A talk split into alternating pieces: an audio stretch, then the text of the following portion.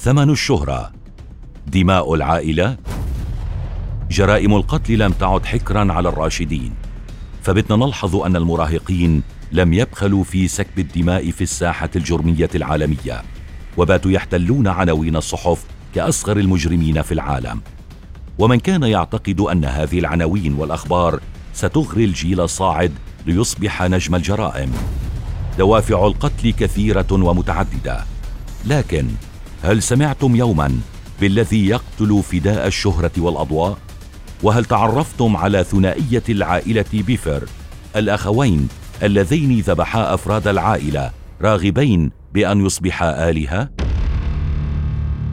بدأت الخطة في ليلة الثاني والعشرين من تموز من عام 2015 حيث قام روبرت بمساعدة مايكل بكسر سكاكين وتخبئتها كانت الخطة موضوعة بتأن واقتدى الأخوين بالنينجا فصمما على القتل بضربات سريعة وصامتة.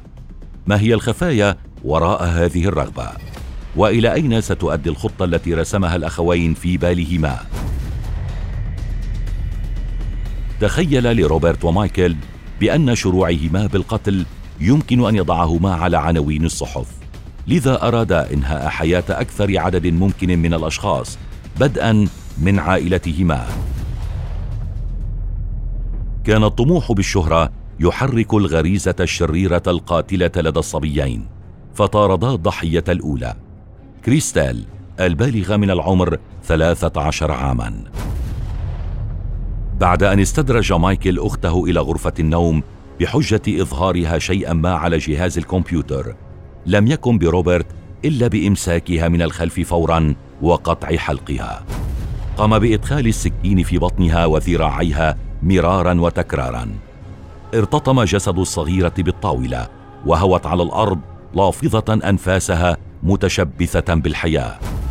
عندما علا الضجيج ووصل لمسامع الوالدة صعدت مسرعة إلى الطابق العلوي. فما كان من الأخوين إلا بإمساك والدتهما وأطلقا العينان لعنفهما. راحا يطعنان الأم طعنة تلو الأخرى حتى فاق عدد الطعنات الخمسين طعنة.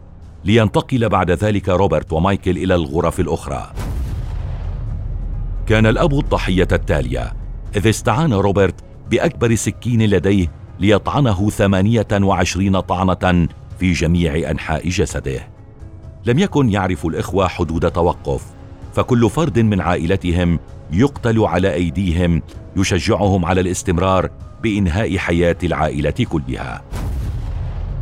إذ لم يسلم كريستوفر البالغ سبعة أعوام من العمر من عنف الأخوين بحيث طعناه هذان الأخيران ست مرات ليكونوا أمام تصفية جديدة للصغرى فيكتوريا التي تعرضت للطعن في أنحاء مختلفة من جسدها.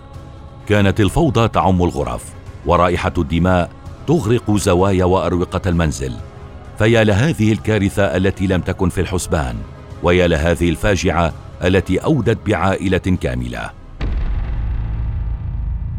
في هذه الأثناء حبس دانييل نفسه في غرفة لكن لم يكن إلا بقليل من الوقت حتى تمكن مايكل من إقناع شقيقه الأصغر بفتح الباب متظاهرا بأنه تعرض لهجوم من روبرت. دخل الأخوان ليغدرا الصغير ويطعناه في ظهره وكتفه. كانت كريستال قد نزفت كثيرا وحاولت أن تزحف كي تحبس نفسها في غرفة قريبة لعلها تنجو. كان أنينها يسمع في الأرجاء وكان نزيفها يزداد ليتهيأ لكم أنها فقدت كل قطرات دم جسدها. لكن بالفعل قاومت كل آلام الطعنات حتى وصلت إلى الشرطة. كيف علم رجال الشرطة بما حصل؟ لا تتساءل كثيرا. فجنون روبرت ومايكل لن يترك لفضولهم مساحة بحيث قام أحدهما بالاتصال بالشرطة كي يخبرهم أنهم سيصبحون أقوى ثنائي قاتل وأنهما سيحتلان عناوين نشرات الأخبار وأنهما سيزرعان الخوف في قلوب سكان المنطقة. لم يكن بالشرطة إلا أن تحركت ووصلت فورا إلى المنزل لتسمع صراخ كريستال ومناداتها.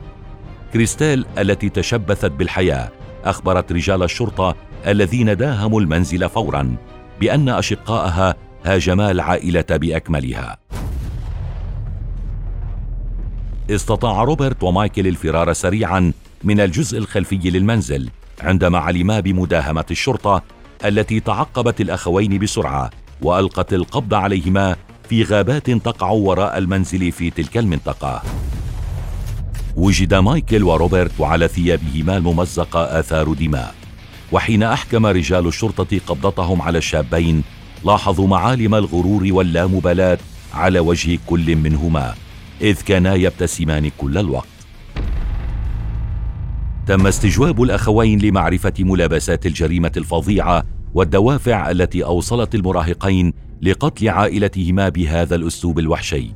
وبالطبع كانت اعترافات مايكل وروبرت غريبة ومثيرة للتساؤل إذ كانت تصب كلها في اتجاه واحد الشهرة. فماذا خيل لأولئك الصبية عندما قررا مهاجمة العائلة؟ هل فعلا توقعا أن يصبحا نجمين؟ كما قد تذهلكم تلك الاعترافات أذهلت الشرطة والمحققين على حد سواء وانتهت باتهام روبرت أمام المحكمة بخمسة تهم قتل. توصلت المحكمة إلى الحكم عليه بالسجن مدى الحياة من دون وجود أي إمكانية للإفراج المشروط عنه. وفي حين اعتبر مايكل مشاركا في جرائم القتل والتعذيب البدني تلك. إلا أنه واجه العقوبة نفسها بالسجن مدى الحياة من دون أي فرصة لإطلاق السراح المشروط. صدرت الأحكام بحق مايكل وروبرت وتوفيت العائلة. وبحين كان يعتقد الشابان أنهما سيصبحان حديث الإعلام. أصبحا مجرمين لن يعرفا من الحياة سوى ما هو من وراء القضبان. ولن يتمكنا من تحقيق إيه أحلام ولا حتى مشاهدة غروب الشمس لأن السماء لا تظهر وسط أسوار السجن. الحرية كنز والرحمة نعمة. وإذا انحرف المراهق بسلوكه وفقد تقديره ومعرفته بذلك لابد أن يكون هناك من يقوم بتوعيته ودعمه كي يعود للصواب.